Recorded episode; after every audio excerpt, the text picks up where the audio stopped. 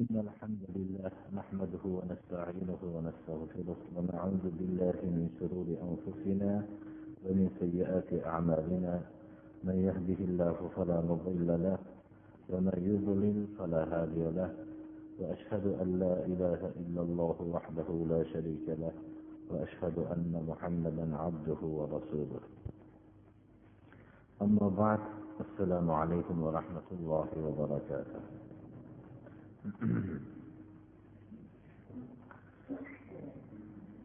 أعوذ بالله من الشيطان الرجيم. لا تدركه الأبصار وهو يدرك الأبصار وهو اللطيف الخبير. alloh subhanahu va taolo o'zining butun olamni tarbiyat bo'lgan yagona ma'bud ekanligini bayon qilgandan keyin mana bu sizlarning yagona ma'budiylar va tarbiya kunanda tarbiya qiluvchilar yagona ma'buddir. Yagona ma'bud har bir narsani yaratuvchidir. Olamda har bir narsa bo'lsa uni alloh subhanahu va taolo yaratgandir. Demak yaratuvchi ibodat qilinishlikka sazovordir. Shu yagona ma'budga ibodat qilinglar. Har bir narsa ustidagi vakil nazorat qiluvchi raqib yordam beruvchi zotdir. Olamdagi hamma narsa dalolat qiladiki qudrati cheksiz bo'lgan nihoyatda bilimdon bo'lgan bir zotning nazoratida ekanligiga dalolat qiladi. Mana avvalgi darslarimizda aytib o'tganimizdek xoh inson bo'lsin boshqa tirik mavjudotlar bo'lsin shulardagi rivojlanish faoliyati aytib o'tganimizdek bir tomchi suvdan vujudga kelayotgan inson shu tomchi suvning tarkibida hozirgi olimlarning aytishicha million million shu shaxs vujudda turadi. Shundan alloh subhanahu va taolo bittasini iroda qiladi. Biror bir katta yong'oq daraxtining ustidan tushib ketib biror bir chuqurga tushib ketgan yong'oqning tarkibida shu shunchalik ko'p hujayralar borki shu yong'oq daraxtining kelajakda voyaga yetib necha yillardan keyin katta bo'lgan vaqtidagi daraxtning bargini chiziqlari ham uning tarkibida turadi. Agar shu har bir hujayra o'zining vazifasini to'g'ri o'taydi barg bo'ladigan hujayra barg bo'lishlikka harakat qiladi.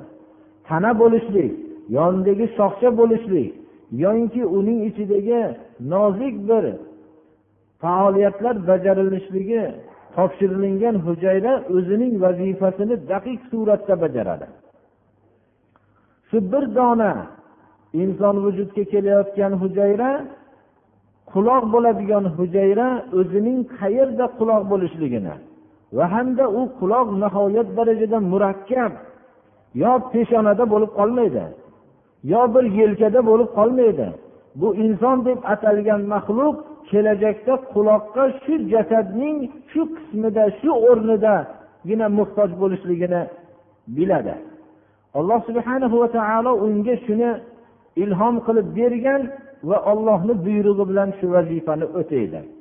Agar shu bir dona hujayra bajaradigan amalni yer kurrasidagi avvaldan tortib to qiyomatgacha bo'lgan ilmni davo qilayotgan ollohni inkor qilayotgan muddai olimlarga agar topshirilsa yer kurrasining avvalini oxirin bo'lgan shu muddailar birortasi bu hujayraning vazifasini bajara olmaydi. Bu aqli yo'q bo'lgan hujayraning vazifasini bajarolmaydi aqlni faqat bizda bor deb davo qilgan olimlar. Demak bu aqli yo'q bo'lgan bu hujayraning nozik bir chuqur nihoyat darajada murakkab bir amaliyani bajarishligi dalolat qiladiki alloh subhanahu va taolo har bir narsaning ustida vakil nazoratchi ekanligiga dalolat qiladi. Agar cheksiz ilmga ega bo'lgan cheksiz qudrati bo'lgan zot nazoratida bo'lmasa u aqli yo'q bo'lgan hujayra bunchalik murakkab va nihoyat darajada daqiq bo'lgan amalni bajara olmagan bo'lardi.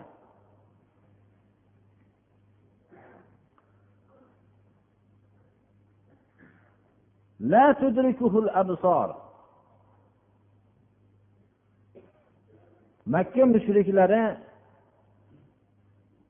rasululloh sollallohu alayhi vasallam bilan bu kishini yo'llariga qarshi chiqishgan vaqtida u kishini hujjatlarini eshitishgandan keyin bizga ollohni ko'rsatgin deyishardi. Xuddi o'tgan ummatlar payg'ambarlariga bu narsani taklif qilgandek. Alloh subhana va taolo mana bu oyatda ko'zlar ollohni idrok qila olmaydi ko'ra olmaydi. Alloh subhanahu va taolo dunyoda o'zini ko'radigan ko'zni yaratgani yo'q. Undan tashqari ollohni ko'rishlik insonning yaratilishligidan bo'lgan asosiy maqsad xilofat vazifasiga lozim emas. Xilofat insonning yelkasiga yuklangan olloh tarafidan bo'lgan vazifadir. Og'ir vazifadir. Bu vazifaga alloh subhana va taolo insonni tanladida va shu vazifasiga muvofiq bo'ladigan ilmni berdi. Bu vazifaga alloh subhana va taoloni ko'rish lozim emas. Undan tashqari qoniy bir hodis bo'lgan insonning azaliy abadiy bo'lgan zotni ko'rishlikka toqat qila olmaydi. Agar misol joiz bo'ladigan bo'lsa nihoyat darajada nuri o'tkir bo'lgan chiroqni yo yorug'likniga inson qarab bardosh qilolmaganga o'xshagan. Alloh subhana va taoloning alomatlari mo'jizotlari oyatlari bilan ollohni inson taniydi. Hozirgi davrdagi ko'zi ko'rgan narsagagina ishonishlik tarbiyasida bo'lgan ko'zi ko'rgan narsaga ishonib ko'zi ko'rmagan narsani inkor qilgan kishilar ko'ziga ko'rinmagan olamdan xabar bo'lib ba'zi narsalarning ma'lumotlari bo'layotgan vaqtida shoshib unga nom topolmay qolishdilar.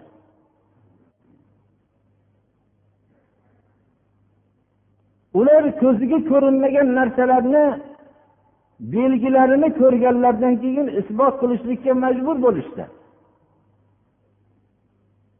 Kahrabo biror kishi bu kahraboni simni ichida kelayotganligini ko'rgani yo'q. Lekin uning alomatlaridan kahraboning borligini tan olishyapti. Biror kishi zarrani ko'rgani yo'q. Zarra hozirgi zamon tili bilan aytganda atom. Bu zarrani ko'rgani yo'qki uni ko'radigan kattalashtiruvchi jihozni ham ixtiro qilish olgani yo'q hali. Lekin uning borligini belgilari bilan alomatlari bilan zarrani borligini tan olishyapti. Lekin ularning bu tajribalari hammasi ehtimol ehtimoliy tajribalar. Ehtimoliy tajribalar bilan bir narsaning borligini isbotlashyapti ammo alomati cheksiz bo'lgan nihoyat darajada kunning yorug'ligidan ham ravshan bo'lgan alloh subhanahu va taoloning sanoqsiz mo'jizalarini ko'rib turib ollohni inkor qilib yashashyapti. Bu bir bir tamoman bir jaholatdan boshqa narsa emas.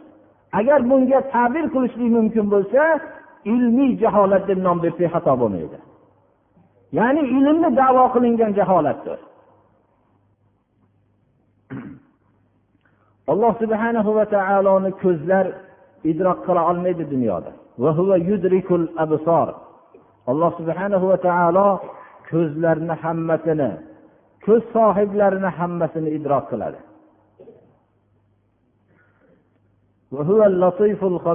Alloh subhanahu va taolo bandalarga lutflik qilayotgan amallardan xabardor bo'lgan zotdir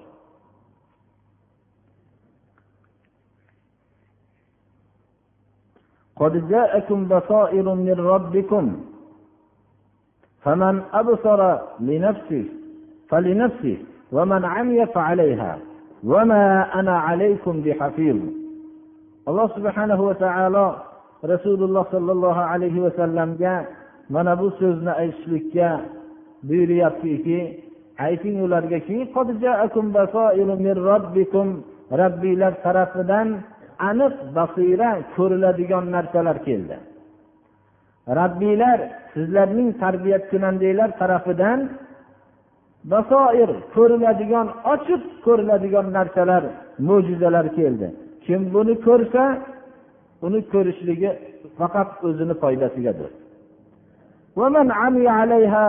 Bu ochiq ko'riladigan narsalarni ko'rishlikdan ko'rlik qilib ko'rmasa buni zarari o'zigadir. Sizlarni kelayotgan azobdan men saqlovchi emasman deng sizlarni ustinglarda nazoratchi ham emasman deng sizlarni hidoyatinglar yoyinki zalolatinglar ustida nazorat qilib turuvchi emasman. Ya'ni hidoyat topsanglar o'zinglarga zalolatga giriftor bo'lsanglar zarari ham o'zinglarga deng.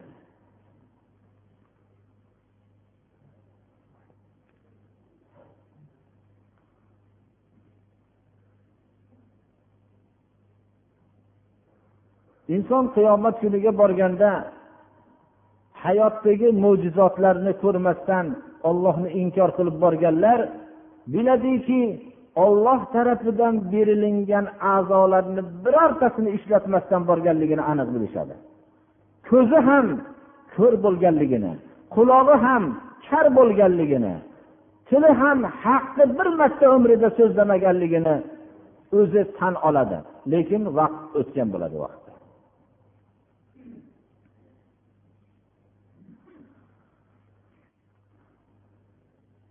وكذلك نصرف الآيات وليقولوا درست ولنبينه لقوم يعلمون alloh subhanahu va taolo oyatlarni bayon qilib beradi shunday manzilatdaki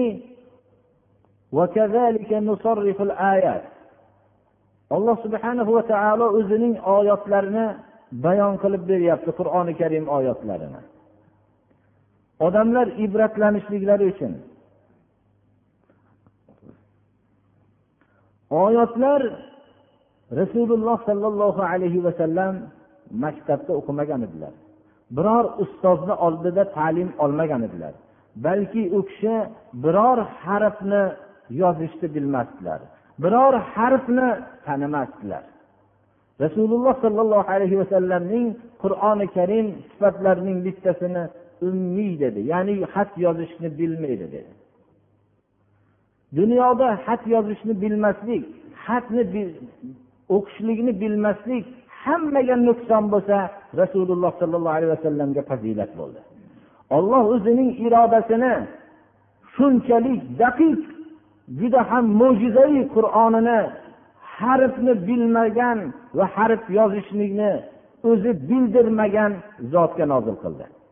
Odamlar bilsinki bu qur'on harfni yozishlikni bilmagan kishidan sodir bo'layotganligi olloh tarafidan ekanligiga dalolat qilishligi yana ham osonroq bo'lishligi uchun vallohu alam o'zining ummiy payg'ambariga qur'oni karimni nozil qildi. Rasululloh sollallohu alayhi vasallamning risolatdan ilgarigi hayotini ham keyingi hayotini ham maxfiy bo'lishligini xohlamadi. U kishining hayotlari oshkor edi. Tug'ilganlaridan tortib oshkor edi. Risolatdan keyin bo'lsa har qanday boshqa taraflardan sirli bo'lishligiga qaramasdan rasululloh sollallohu alayhi vasallamning hayotlari tamoman oshkor edi. Ashoblar hayoti ba'zilari sirli bo'lsa ham. O'zining oyatlarni shunday bayon qilamiz. Ummiy bo'lgan zotga biz mana shunday qur'onni nozil qilib oyatlarimizni bayon qilamiz. Odamlar ibratlanishligi uchun edi. Rasululloh sollallohu alayhi vasallamni ahli kitoblarning ba'zilaridan ta'lim olgan shuning uchun shunday chuqur qur'onni oyatlarini olib kela oldi o'zi yozib deyishdi. Rasululloh sollallohu alayhi vasallamni hammalari bilar ediki biror bir ahli kitobni oldidagi bir uchrashmaganligini. Hattoki hozirgi zamondagi dinga qarshi islom bilan kurashuvchi kishilar ham rasululloh sollallohu alayhi vasallamning hayotlarini tekshiradiki biror bir kishida bir ta'lim olganligini. Olloh o'zini mo'jizasini ko'rsatdi biror bir harfni yozishlikni bilmaydigan qilib shu mo'jiza qildi. Payg'ambarimiz sollallohu alayhi vasallamni biror bir kishi aytolmaydiki bir narsani kitobat qilgan deb din dushmanlari payg'ambarimiz sollallohu alayhi vasallamning tarixlarini tekshirishib ahli kitoblarning oldida bir uchrashmaganliklarini bilishmaganlaridan keyin hatto shunchalik bir tarafdan kulgulik va o'zlarining ahmoqliklarini namoyish qilib gapirishdiki payg'ambarimiz sollallohu alayhi vasallam savdo bilan shomga yo'l olganlarida abu tolib o'n ikki yoshlarida aravada safarga ketayotgan vaqtlarida janobi rasululloh sollallohu alayhi vasallam o'n ikki yosh edilar. Ko'ngillari g'amgin bo'lib amakilaridan ajrab qolayotganliklarini ko'rganlaridan keyin rahmlari kelib olgan edilar karvonga.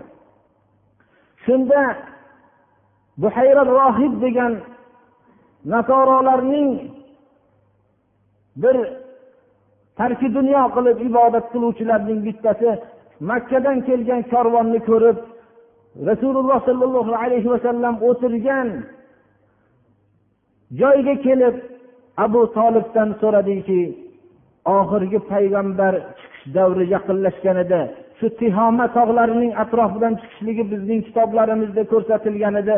Shu payg'ambarning chiqqanligini xabari yo'qmi sizlarda dedi rasululloh sollallohu alayhi vasallam o'n ikki yosh shu korvonda edilar.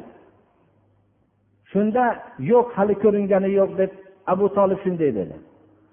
Mana shu uchrashganliklarini shundan boshqani tarixda topisholmaydilar unda ham o'n ikki yosh edilar shu uchrashganlarida hamma ilmni olib olgan deb shunchalik kulgilik ahmoqlik so'zni ham gapirishadi.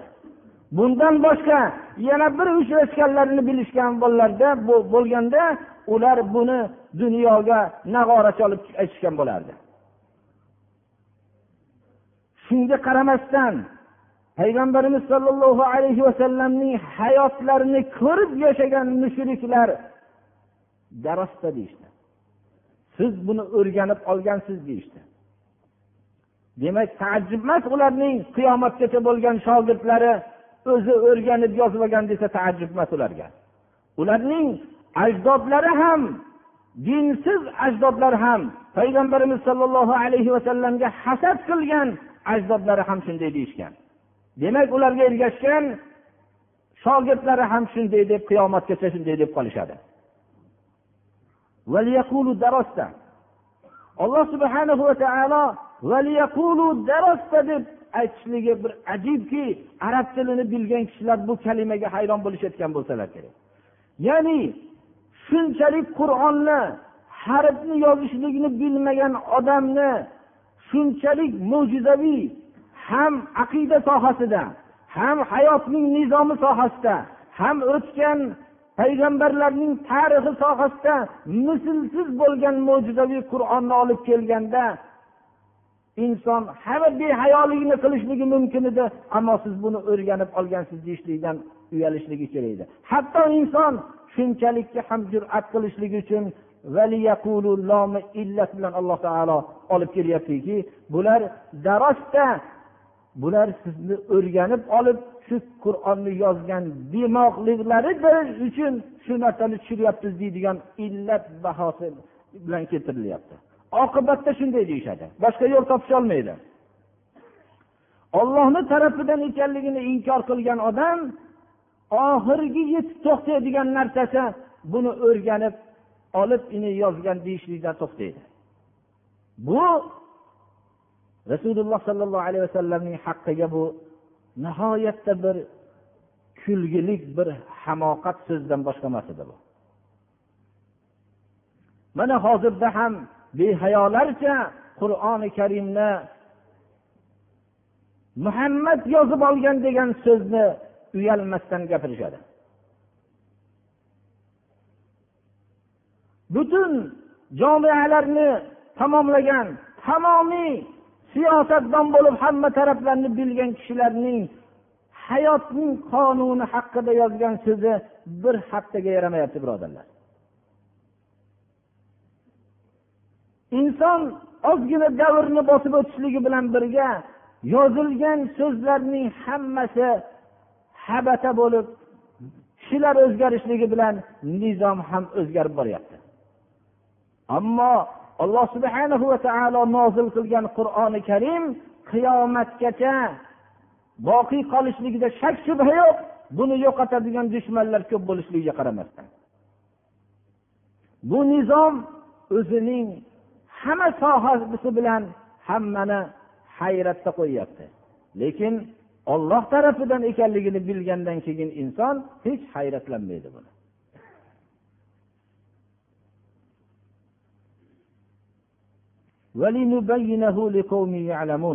biz oyatlarimizni bayon qilyapmiz bilgan odamlarga bayon qilib berishligimiz uchun. Buni bayonini faqat bilgan kishilargina tushunadi ilmli kishilargina tushunadi ilmli kishilar insofli ilmli kishilar mana qur'onning misli ko'rilmagan mo'jiza ekanligini hamma sohadagi mo'jizasini tan olib iymonni qabul qilmoqda اتبع ما أوحي إليك من ربك لا إله إلا هو وأعرض عن المشركين rasululloh sollallohu alayhi vasallamga bu so'z nihoyat darajada og'ir edi. Birodarlar bu o'rganib olib yozdi degan so'z bunday mo'jizaviy qur'onni rasululloh sollallohu alayhi vasallamga qattiq bir ozor edi. Agar bir kishi olloh tarafidan bir narsani olib kelmasa biror bir narsani yozgan bo'lsa u odamga ho'p siz dars qilib o'rgangan ekansiz bu narsani desa maqtov bo'ladi. U men mana shunday ajoyib narsani o'rganib yozganman deydi. Ammo bu so'z azaliy abadiy tarafdan vahiy bo'lib turganda insonga bu narsani o'rganib xo'p kuchli narsani yozibsiz desa bu ozor bo'ladi. Rasululloh sollallohu alayhi vasallam ko'p ozoblanadilar alloh taolo mana bu oyatda tasalli berib o'zingizga vahiy qilingan narsaga rabbingiz tarafidan sizga vahiy qilingan narsaga ergashing. U zot yagona ma'buddir. Mushriklardan yuz o'giring bularning so'zlariga quloq solmang. Alloh taolo agar xohlaganda ular mushrik bo'lishmasdi. Bu ollohning mashiati xohishi bilan bo'ldi. Agar olloh xohlaganda bu mushriku kofiru hammani farishtalarga o'xshagan hidoyatdagi bir suratda yaratgan bo'lardi. Farishtalarni alloh taolo hammasini hidoyat bilan yaratdi. Agar olloh xohlaganda insonlarni ham hammasini eng taqvolik suratda eng taqvo amallarni bajargan holatda maloika tabiat qilib yaratgan bo'lardi. Agar olloh xohlaganda insonlarning xuddi bosmaxonadan chiqayotgan bir xil kitobdek qilib bir xil qilib yaratgan bo'lardi. Lekin olloh buni xohlamadi. Olloh insonlarni mukarram qilishlikni xohladi. Ularning ixtiyorlari bilan hidoyatni ollohdan talab harakat bilan qabul qilishlik va ixtiyorlari bilan zalolatni istab oladigan ixtiyor bilan mukarram qildi. Dunyoda eng mukarram maxluq inson uning mukarram bo'lishligi ixtiyor bilan xohlagan maloikalar xohlagan narsasini qilolmaydi. Olloh buyurgan yo'nalishdan tashqariga chiqisholmaydi hayvonlar ham ollohning yaratgan g'arizasi tabiatidan tashqariga chiqolmaydi ammo insonchi insonning hayoti ikki qismdir. Bir qismi u majburiy hayot. Xohlasa ham shunday yashaydi xohlamasa ham shunday yashaydi. Insonning bir qismi ollohning qonuniyatidan tashqariga chiqolmaydi ko'zi bilan ko'radi xohlasa ham ko'zi bilan ko'radi xohlamasa ham. Qulog'i bilan eshitadi o'zining o'pkasi bilan nafas oladi. Yuragi qon vazifasini bajaradi. Bularni xohlasa ham shunday davom etadi hayot xohlamasa ham. Bunda koinotga o'xshagan hayvonlarga o'xshagan maloikalarga o'xshagan bir xildir. Ammo insonning saodat va shaqovat badbaxtlik va baxt saodat yo'li bu ixtiyorlik qilib qo'ydi alloh taolo. Mana bu narsani xohladi. Agar olloh xohlaganda mushrik bo'lishmasdi hech qaysilari hammalari hammalari maloika tabiat bo'lib bir xil yaratilgan bo'lardi. Oyatni yaxshi tushunib olingan bo'lsa kerak kishilar agar olloh xohlasa hech kim mushrik bo'lmagan bo'lardi. Maloikalarga o'xshagan lekin alloh subhana va taolo insonning inson bo'lishligini xohladi. U hidoyat va zalolatning mehnatining samarasi bo'lishligini xohladi. Va shu bilan imtihon qildi. Biz sizni odamlar ustida hafiz nazoratchi qilmadik. Ularning siz vazifangiz ularning ustidagi vazifangiz haqni bayon qilishlik. Xohlagan iymon keltirib jannatga kirsin xohlagan iymondan voz kechib do'zaxga o'tin bo'lsin. ularni ustida siz vakil nazoratchi bunday emassiz. Ya'ni hidoyat va zalolatidagi vakil topshirilingan ularning hammasini bir xil yo'lga solib hidoyatda qolishligiga siz hidoyatlari topshirilingan odam emassiz siz xalqlarga tamomiy da'vatni yetkazib haqni haq nohaqni nohaq ekanligini bayon qilib berishlik uchun payg'ambar bo'lgansiz. Bu albatta jihod oyatlaridan ilgarigi nozil bo'lgan oyatlar. Keyin alloh subhanahu va taolo aqida erkinligi mana muqarrar hammamizga ma'lum o'tgan darslardan alloh subhanahu va taolo islomni tashqariga yoyishlikka alloh taolo buyurdi va bu buyurilgan vaqtida xohlasa itoat qilib islomda aka uka bo'ladi. Xohlamasa dinsiz bo'lib lekin islom hukmiga bo'ysunib yashaydi. Yoyinki bo'lsa islomga mutlaqo itoat qilmasdan musulmonlar ularga nisbatan jihod e'lon qiladi shu mana bu narsa hozirgi narsani islomda aqida erkinligi borki birovni majbur qilib aqidaga olib kirishlik yo'qdir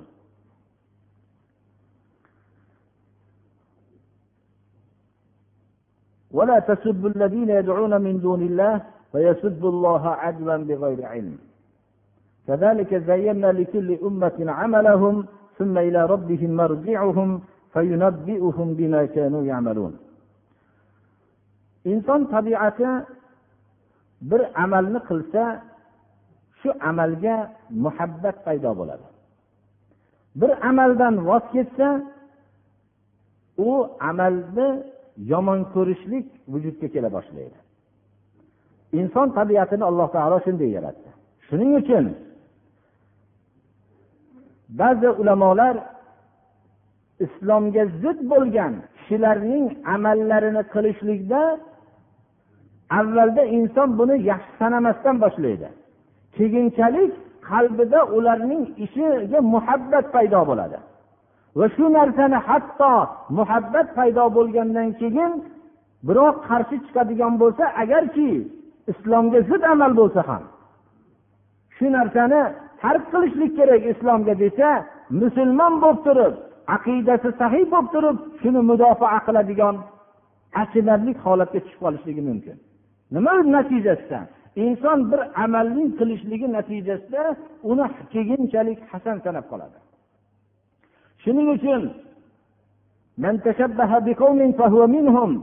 kim bir toifaga o'zini o'xshatishlikka harakat qilsa u odam shulardan hisoblanadi. Boshqa bir toifaning bir amalini qilishlik avvalda xohlamaslik bilan boshlanadi. Majburlik bilan. Keyin buni xohlab ikkovi barobar bo'ladi. Keyinchalik buni hasan sanaydi. Keyinchalik hasan sanabgina qolmasdan buni mudofaa qiladigan himoyachiga aylanadi. Agarki islomga zid bo'lsa ham. Shuning uchun ba'zi vaqtda insonning ichki kechinmasidagi bekinib yotgan bir amalga bo'lgan muhabbat yoki adovat unga qarshi bo'lib turganizdagina ko'zga tashlanadi. Masalan ba'zi jamoalar bir birlari bilan aralashib yuraveradi.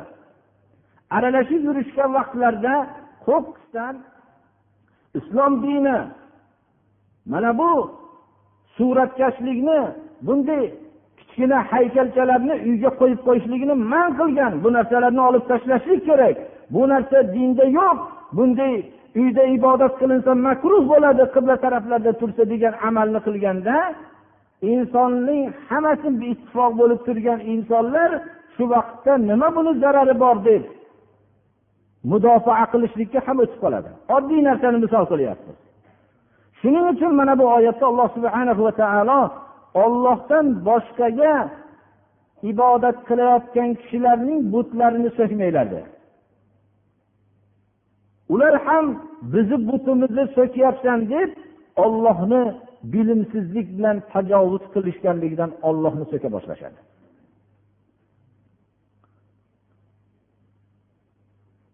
Har bir ummatga o'zining amalini shunday ziynatli qilib ko'rsatib qo'yganmiz. Har bir ummat o'zini amalini ziynatli qilib ko'rsatadi. Biror bir kishi yomon ish qilyapman deb bilmaydi. Sahar turishlik yaxshi ibodat birodarlar deb aytsangiz sahar turishlik ollohni buyrug'iga muvofiq rasululloh sollallohu alayhi vasallam qilgan amallarni bajarishlik degan so'zni aytgunizcha shirmonpozlar ham aytishligi mumkinki bizni amalimiz ham yaxshi ekanda sahar turamiz deydi. Har bir ummatni tekshirsangiz quloq soladi oyat hadislarga. O'ziga kerakli joy chiqqanda mana shu narsa esidan chiqartirishlikka ham harakat qilsangiz esidan chiqmaydi. Har bir ummatga o'zining amalini ziynatli qilib ko'rsatganmiz. O'zini ziynatga solib o'ziga pardoz berib o'zining hamma fitnaga soladigan a'zolarni ko'rsatib yuruvchi ayol o'zini yaxshi amal qilyapman deb e'tiqod qiladi. Bu narsa bilan sen ba'zi kishilarning oilalarini buzib tashlayapsan. Deb xitob qilsangiz men ko'chalarga ziynat bo'lib yuribman deb davo qilishligi mumkin. Har bir amalni alloh subhana va taolo shu amalni qilgandan keyin inson uni ziynatlik sanab qoladi. Qozini oldida bir musulmon bilan bir yahudiy husumat qilib bir haq talashib turgan vaqtda musulmon kishi haqni davo qilib bu haq meniki agar shu so'zim yolg'on bo'lsa yahudiy bo'lib o'lay deb qasam ichsa yahudiy bu haq meniki agar shu so'zimni yolg'on gapirgan bo'lsam musulmon bo'lib o'lay deb qasam ichadi. Har bir millatga o'zining amalini ziynatli qilib ko'rsatib qo'ydi alloh subhana va taolo. Qayerdan kelib chiqadi? Inson bir noto'g'ri amalni qilishligi bilan uning qalbiga mehr tushadi. Sekin asta u amal o'zining qalbidagi chiroyli narsaga aylanadi. Rasululloh sollallohu alayhi vasallamning sunnatlarini bir marta tark qilib olgan odam boshqa ajnabiylarga taqlid qilib yurgan kishi avvalda buni men ojizlik bilan shu narsani sunnatni bajarolmayapman deb attang qilib boshlagan bo'lsa ma'lum muddatda bu sunnatni tark qilishligi natijasida ha buni e, farqi yo'q qildi qilmadi deyishlikka o'ta boshlaydi. Sekin asta borib borib shu amalni qilishlik ma'qul degan narsaga borib hasan sanaydi bunga qarshi bo'lgan odamga sunnatni bajarishlik kerak degan kishiga borib borib turib siz noto'g'ri so'zlayapsiz deb mudofaa qiladiki sunnatni qilmaslikni mudofaa qilish darajasiga chiqib qoladi. Agarki namoz o'qib ro'za tutib musulmonlarning eng aqidalisiman deb davo qilib yurgan bo'lsa ham. Shuning uchun har bir amalni avvaldagi boshlanishligi uni loqaydlik bilan boshlanadiyu keyin mudofaa qiluvchi kishiga aylanadi. Ana bu bir toifaga o'xshatishlik bilan shu toifaning shu islomga zid amallariga bo'lgan muhabbat paydo bo'ladi.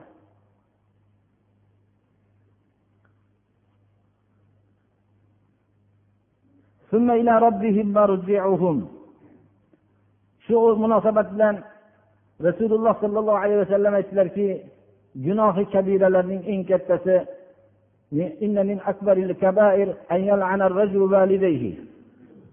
gunohlarning gunohi kabiralardan kattalardandir kishi ota onasiga la'nat aytishligi dedilar. Ashoblar hayron bo'lishdilar. Yo rasululloh kishi ham o'zining ota onasiga la'nat aytadimi? dedilar. Payg'ambarimiz sollallohu alayhi vasallam aytdilarki bir kishi bir kishining ota onasiga la'nat aytadi. Aytgandan keyin meni sen ota onamga la'nat ayting deb unga ham u ota onasiga la'nat aytadi. Mana shu o'zining ota onasiga la'nat aytish dedilar. Demak alloh subhanahu va taolodan boshqaga ibodat qilayotganlarning ma'budotlarini so'kmanglar. Bu narsa shirk islomda durust emas deb bayon qiling. Lekin uni so'kmanglarki ular ham ollohni bizni ma'budotlarimizni so'kyapsan deb ular ham so'kadi. Ollohni tanishmaydi ular. Tanishganda unday soxta ma'budotlarga ibodat qilishmagan bo'lardi.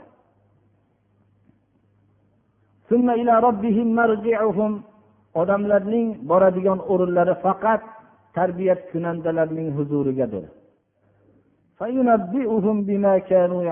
Alloh taolo ularni qilgan amallari bilan xabardor qiladi. وأقسموا بالله جهد أيمانهم لئن جاءتهم آية ليؤمنن بها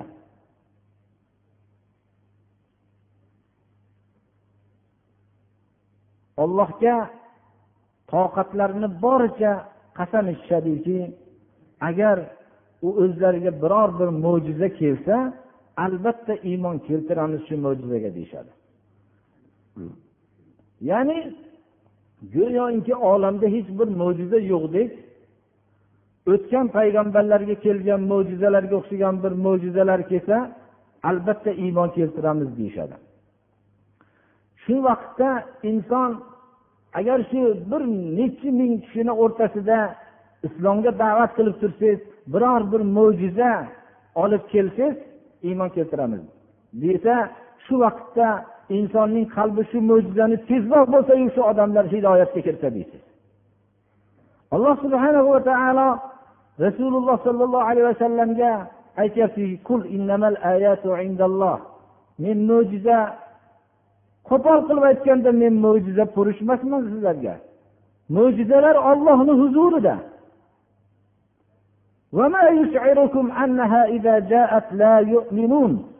sizlarga bildirmaydiki mo'jiza kelgan vaqtda ular o'zlarining iymon keltirmasliklarini bildirmaydi. Ho'p birinchi oyatni o'zida bayon qilinibdi. Bunday kishilarning qalbini ko'zlarini biz qalb qilib qo'yganmiz. Ollohni oyatlarini inkor qilishlikning jazosi qalbining teskari bo'lib ko'zlarining teskari bo'lib qolishligidir. Go'yoki teskari ko'zlik teskari qalbli bo'lib qolishligidir. Haqni nohaq nohaqni haq ko'radigan bo'lib qolishligidir. Avvalda iymon keltirishmaganlaridek. Hozirgi vaqtda siz bilan bir munozara qilsa islomning haqligi haqida siz bir kishi bilan munozara qiladigan bo'lsangiz munozarada islomning haqligini bilib bilib borgandan keyin oxirida biror bir mo'jiza keltiring keyin men iymon keltiray deydi. Mo'jiza keltirgan vaqtida iymon keltirmaydi ular. Nimaga ularning avvaldagi iymon keltirmasliklarining sababi mo'jizani bo'lmasligimidi? Yo'q. Ular avvalda mo'jiza talab qilmadi sizdan. Sizdan qani haq bo'lsa menga tushuntiring deb keladi. Haqni tushuntirib bo'lganingizdan keyin javob qolmagandan keyin endi mo'jiza keltiring deydi. U mo'jizani kelgandan keyin ajoyib bir sehrgar ekan deb ketaveradi.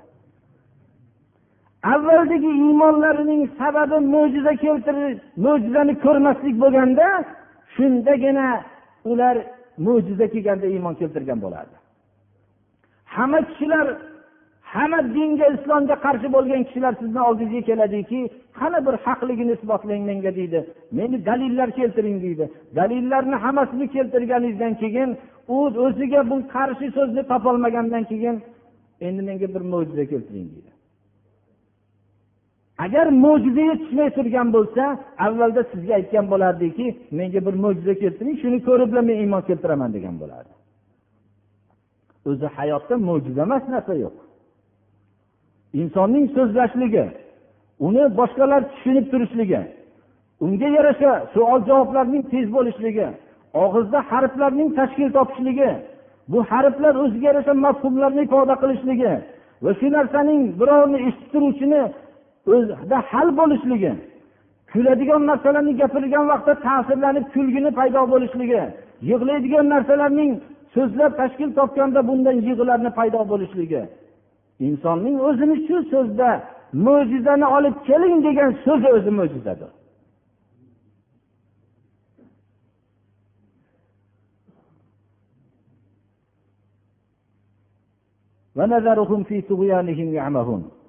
ularni tug'yonlarida ko'r ko'rona dovdiragan holatda qo'yib qo'yamiz. Hidoyatni alloh subhana va taolo xohlamagan kishiga ham berishlikni xohlamadi.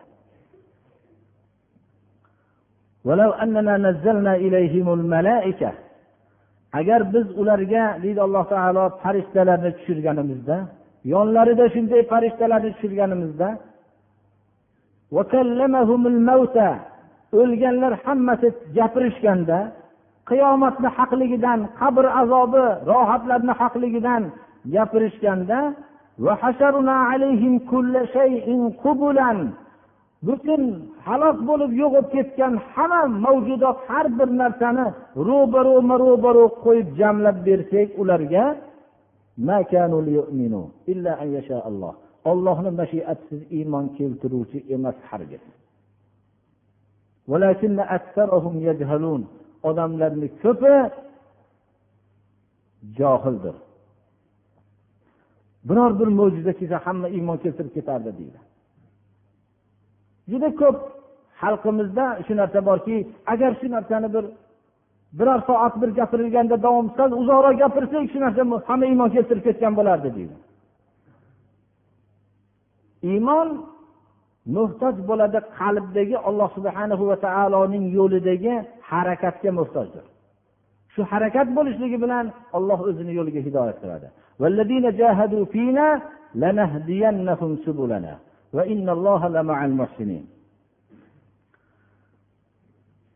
Odamlar o'zlarini jinsidan payg'ambar kelganligini qadrlashmadi. Ular iymon keltirishmadi. Aytishdiki farishta tushirilsa bo'lardi deyishdi.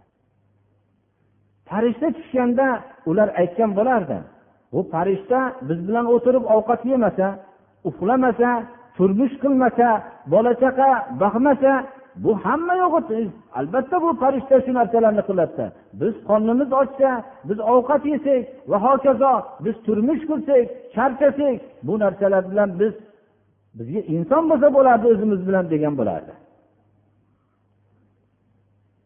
Odamlarni payg'ambarga ergashishlikka alloh subhana va taolo o'zlarini jinsidan tanladi.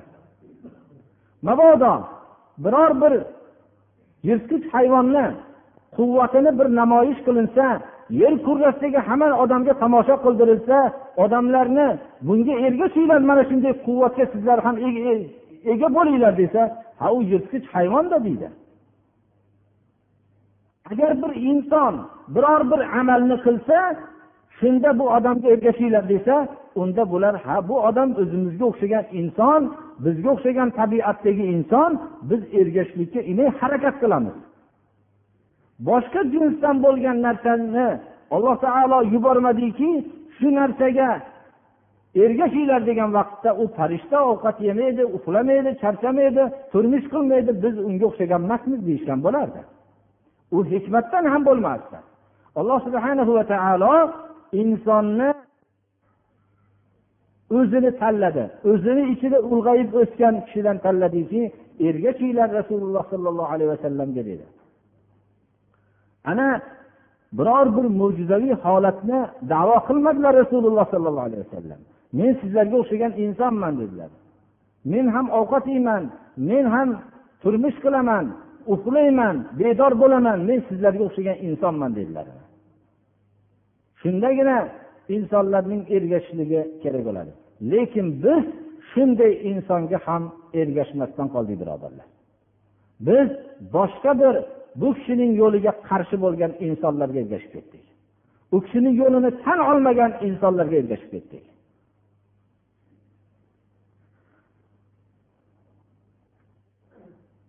Hidoyat faqat olloh tarafiga yo'nalgan kishilarning mukofotidir. Hidoyat olloh yo'lida kurashib mehnat qilgan kishilarning mukofotidir.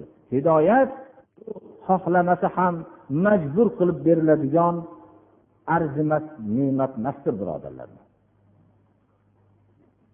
alloh subhanahu va taolo hammamizni ham haq yo'lga hidoyat qilsin alloh subhanahu va taolo rasululloh sollallohu alayhi vasallamni yo'lida harakat qilishlikka alloh hammamizni nasib qilsin gunohlarimizni mag'firat qilsin ibodatlarimizni alloh qabul qilsin اهدنا الصراط المستقيم صراط الذين أنعمت عليهم غير المغضوب عليهم ولا الضالين أما بعد alloh subhanahu va taolodan taqvo qilishlikka avvalo o'zimni va sizlarni vasiyat qilaman alloh subhanahu va taolodan taqvo qilish amallarning asosidir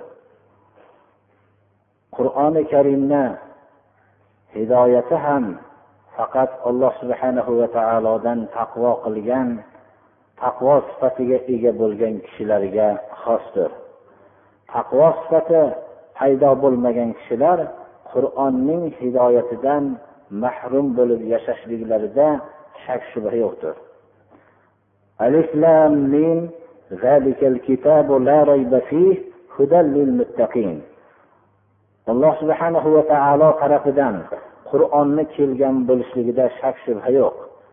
Bu faqat muttaqillarning o'ziga xos bir hidoyat kitobidir. Qur'oni karim islomning asosini birinchisidir biz bu haqda ko'p ma'lumotlarga egamiz. Shuning uchun men bu yerda qur'oni karimning ikkinchi ya'ni islomning asosi qur'oni karimdan keyingi o'rinda bo'lgan islom asosi bo'lgan sunnatga ishora qilib o'tmoqchiman. Rasululloh sollallohu alayhi vasallam hajjatul vadoda ko'p ming kishilar to'plangan o'rinda vasiyat qildilarki ey xalqlar mendan hozirgi so'zlarni qabul qilib olinglar. Mumkinki meni yana shu o'rinda kelajak yillarda topolmasliklar kerak deb o'zlarining ko'p nasihatlarini qildilar bu nasihatlarini ichida xalqqa xitob qilib aytdilarki تركت فيكم أمرين لن تضلوا ما تمسكتم بهما كتاب الله تعالى وسنة نبيه men sizlarga ikki narsani qo'yib ketyapmanki agar u ikki narsani mahkam ishlasanglar hargiz qiyomatgacha adashmaysizlar dedilar. Alloh subhana va taoloning kitobi va payg'ambarining sunnati deb aytdilar. Va kelajak xalqlarning ichida qur'oni karim bizga kifoya qiladi. Bizga sunnatning rasululloh sollallohu alayhi vasallamning hadislari kerak emas deydigan toifalarning chiqishlarini ishora qilib ogohlantirib qo'ydilar. Hadis shariflarda ogohlantirdilarki هل عسى رجل يبلغه الحديث عني وهو متكئ على أريكته فيقول بيننا وبينكم كتاب الله تعالى فما وجدنا فيه حلالا استحللناه ووجدنا وما وجدنا فيه حراما حرمناه وإنما حرم رسول الله صلى الله عليه وسلم imomi termiziy ibn mojja abu dovud bularning hammalarini hadis to'plamlarida bir biriga yaqinroq lafzlar bilan keltirilgan. Ya'ni biror bir kishi mumkinki hadis o'rniga yetib kelgan bo'lsa sahih hadisni eshitgandan keyin kerilib biz bilan sizlarni o'rtanglarda ollohni kitobi bor shunda nima harom bo'lsa harom deymiz halol bo'lsa halol deymiz. Deb hadisdan kelgan hadisda harom degan narsani qabul qilmaydigan va hadisda halol degan narsani qabul qilmaydigan kishilar vujudga kelib qolishligidan ogohlantiraman dedilar. Rasululloh sollallohu alayhi vasallam harom degan narsa bu haromdir deb ogohlantirdilar.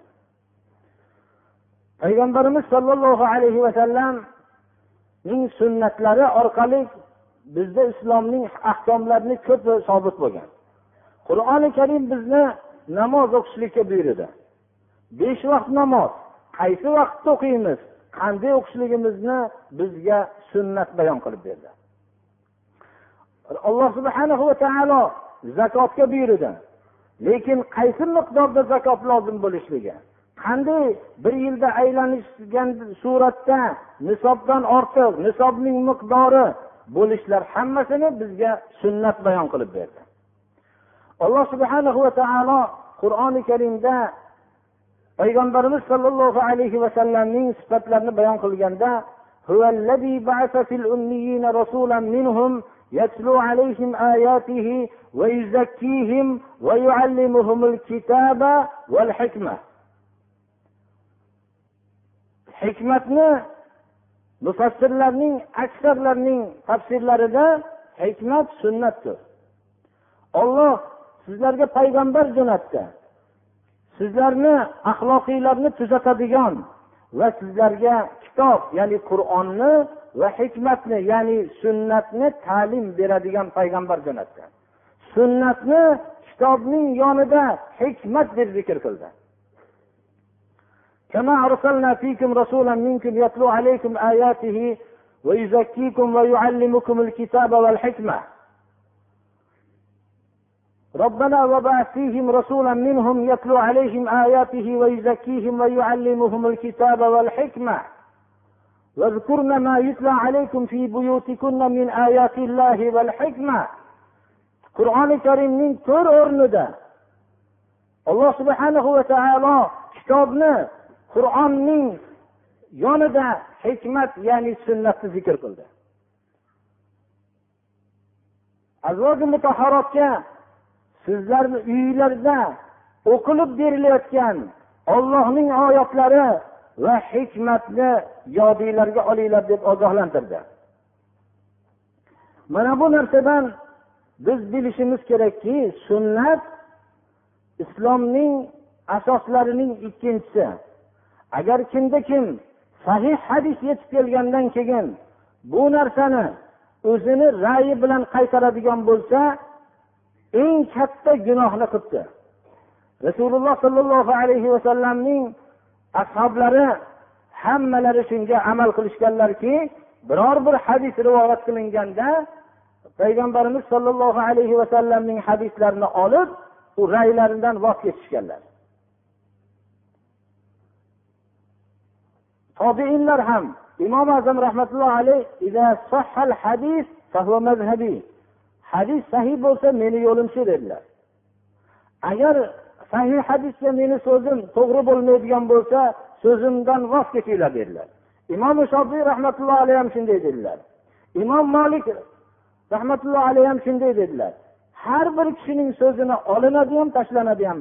Ammo bu qabrning egasi deb rasululloh sollallohu alayhi vasallamning qabrlariga ishora qilib bu kishining so'zlari albatta olinadi dedilar. Ahmad ibn hambal aytgan ekanlarki qaysi bir kishi hadis sahiy rivoyat qilingan vaqtda rayiga agar shu murojaat qilib shu hadisni rad qiladigan bo'lsa halokat chuqurini labida turibdi ekan shu odam degan ekanlar.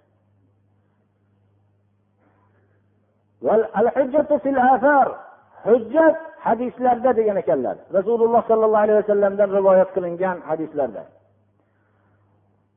Lekin hadislarning sahih bo'lishligini yaxshi bilmoqligimiz kerakki hadis sahiy bo'lgan vaqtda raydan voz kechilinadi. Rasululloh sollallohu alayhi vasallamning sunnatlariga bu kishining sunnat degan so'z so'zlari va amallari va taqrirlariga iste'mol qilinadi hadis bo'lsa faqat so'zlariga iste'mol qilinadi لقد كان لكم في رسول الله أسوة حسنة لمن كان يرجو الله واليوم الآخر وذكر الله كثيرا بارك الله لي ولكم في القرآن العظيم ونفعني وإياكم بما فيه من الآيات والذكر الحكيم أقول قولي هذا وأستغفر الله لي ولكم ولسائر المسلمين من كل ذنب فاستغفروه إنه هو الغفور الرحيم alloh subhanahu va taolo inson va jinni faqat o'zigagina ibodat qilishlik uchun yaratdi alloh subhanahu va taoloning o'zigagina ibodat qilish hayotdan bo'lgan maqsad bo'lmoqligi kerak shirkdan voz kechishlik bu hayotdan bo'lgan maqsad bo'lishligi kerak. Lekin shirkning ba'zi bir o'rinlarini ko'pchilik bilmay qolib shirk amalini bajarib qo'yishligi mumkin. Shuning uchun kishini islomdan chiqarib qo'yadigan ba'zi amallarga ishora qilib o'tmoqchiman. Alloh subhanahu va taoloning ibodatidagi shirk kishini islomdan chiqaradi.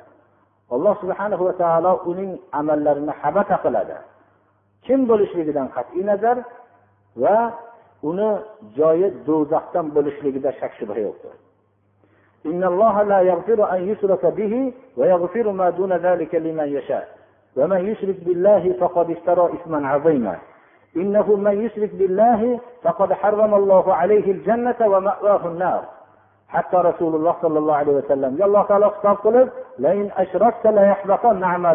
shirk amalni qilsangiz amalingizni habata bo'lishligida shak shubha yo'q deb rasululloh sollallohu alayhi vasallamga alloh taolo shunday hitob qildi. Kimda bir shirk amali sodir bo'lsa o'tgan amallari hammasi habata bo'ladi. Imom azam rahmatulloh alayhi nazdida tamoman habata bo'ladi. Savobiyu adosi hammasi boshqalardan bo'lishligi kerak. Savobi ham habata bo'ladi.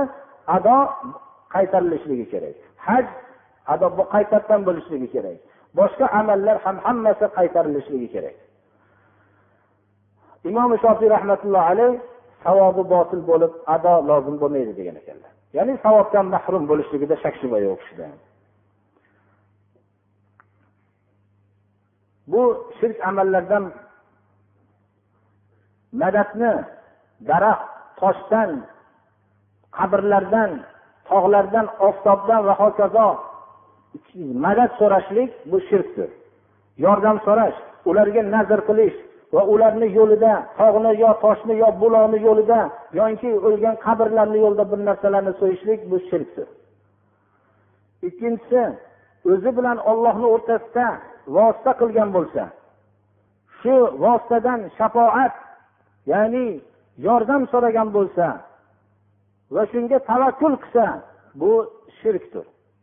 Ya'ni o'zi bilan ollohni o'rtasiga hozirgi aytib o'tilingan narsalarning bittasini vosita qilgan bo'lsa bu shirkdir. Mushriklarning mushrik ekanligida shak shubha qilmaslik kerak. Alloh subhana va taolo shirk amalini qilgan odamning mushrik bo'lishligida shak shubha yo'q desa ollohni hukmiga bo'ysunib bu ham shirk amalni qilgan odam kim bo'lishligidan qat'iy nazar mushrikligida shak qilmasligi kerak. Kimda kim shak qiladigan bo'lsa o'zi mushrik bo'lib qoladi. To'rtinchisi rasululloh sollallohu alayhi vasallamning yo'lidan boshqa yo'l bu kishini yo'lidan komilroq yaxshiroq desa shu vaqtda dindan chiqadi. Rasululloh sollallohu alayhi vasallamning hukmi endi hozirgi zamonga yaramay qoldi. Boshqa bir hukm topmoqligimiz kerak degan bo'lsa buning dindan chiqishligida shak shubha yo'qdir. Beshinchisi rasululloh sollallohu alayhi vasallam olib kelgan narsadan biror narsani yomon ko'rsa dindan chiqadi. Yomon ko'rishlik agarki uni qilgan bo'lsa ham yomon ko'rishlik o'zi dindan chiqaradi.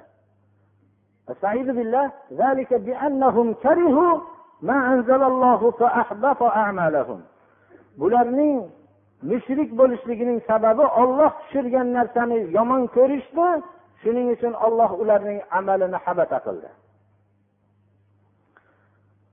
Oltinchi rasululloh sollallohu alayhi vasallamning dinidan biror narsani yo bir olloh va'da qilgan savobni yoinki olloh qo'rqitgan vaidni masxara qiladigan bo'lsa ollohni rasulini ollohning oyatlarini masxara qiladigan bo'lsa kofir bo'lishligida shak shubha yo'qdir. Agar unga dunyoda chunki unga masxara qiladigan narsa qolmasdan olloh ollohni oyatlariyu ollohni rasuli qolibdi bu odamning kofir bo'lishligida shak shubha yo'qdir. Shu munosabat bilan mana oyat borki قل أبي الله وآياته ورسوله كنتم تستهزئون لا تعتذروا قد كفرتم بعد إيمانكم shu munosabat bilan shuni ham bilib qo'ymoqligimiz kerakki rasululloh sollallohu alayhi vasallamning sunnatlarini masxara qilishlik insonni dinidan chiqarib qo'yishligini xavfi bor Ba'zi ulamolar va rasulihini tafsirida rasululloh sollallohu alayhi vasallamning amaliy sunnatlarini masxara qilishlik insonni dini iymoniga putur yetkazib qo'yadi deb xavf ostida qoladi deb ogohlantirganlar. Bu shirkdir. Sehr qilgan odam olloh muhammad alayhissalomga tushirgan qur'onga kofir bo'lganligidir. Sarf va aks deb arab tilida aytiladi bizni o'zbek tiliga isitma va sovutma deyiladi. Bir xohlamagan narsani xohlatishlik uchun ba'zi shu odamlarning shaytonlari bajaradigan amallarni qilishlik bu shirkdir. Shu amalni qilishlik bilan inson mushrik bo'lib qoladi. Chunki qur'oni karimda وما يعلمان من أحد حتى يقولا إنما نحن فتنة فلا تكفر oyati bunga hujjat bo'ladi sakkizinchi musulmonlarning zarariga mushriklarga yordam berishlik bu shirkdir insonni dindan chiqarib qo'yadi musulmonga zarar bo'ladigan o'rinda dinsiz odamga yordam bermaslik kerak hattoki musulmonning zarariga bo'lgan narsani ish qilishlikni shuni yaxshi tushunmoqligimiz kerakki agar bir zolim kishi majbur qilsaki bir to'ng'iz go'shtini yeysan deb shariatda sarih harom bo'lgan narsani yo mast qiluvchi ichimlikni ichasan deb majbur qilsa va agar ichmasang seni halok qilaman desa halok qilishlikka qodir ham bo'lsa shu vaziyat shunday vaziyat bo'ladigan bo'lsa hayot ne'matini saqlashlik uchun shu harom narsani yeydi va harom bo'lgan narsani ichadi. Shu narsani hayotini saqlashlik uchun ma'lum miqdorda shu zolimni zulmi majbur qilganligi uchun agar hayotni saqlamasdan shuni yemasdan ichmasdan halok bo'lsa gunohkor bo'ladi fiqh masalalarda ammo bir musulmonning moliga tajovuz qilasan yoinki shuni xonadoniga o't qo'yasan yo shu musulmonga zarar yetkazasan agar zarar yetkazmasang seni halok qilaman desa shunda hayotini saqlab qolay deb zarar yetkazsa qattiq gunohkor bo'ladi. Agar zarar yetkazmasdan shu yerda o'zini himoya qilib shu zolimni zulmidan halok bo'lib o'lsa shahid bo'ladi.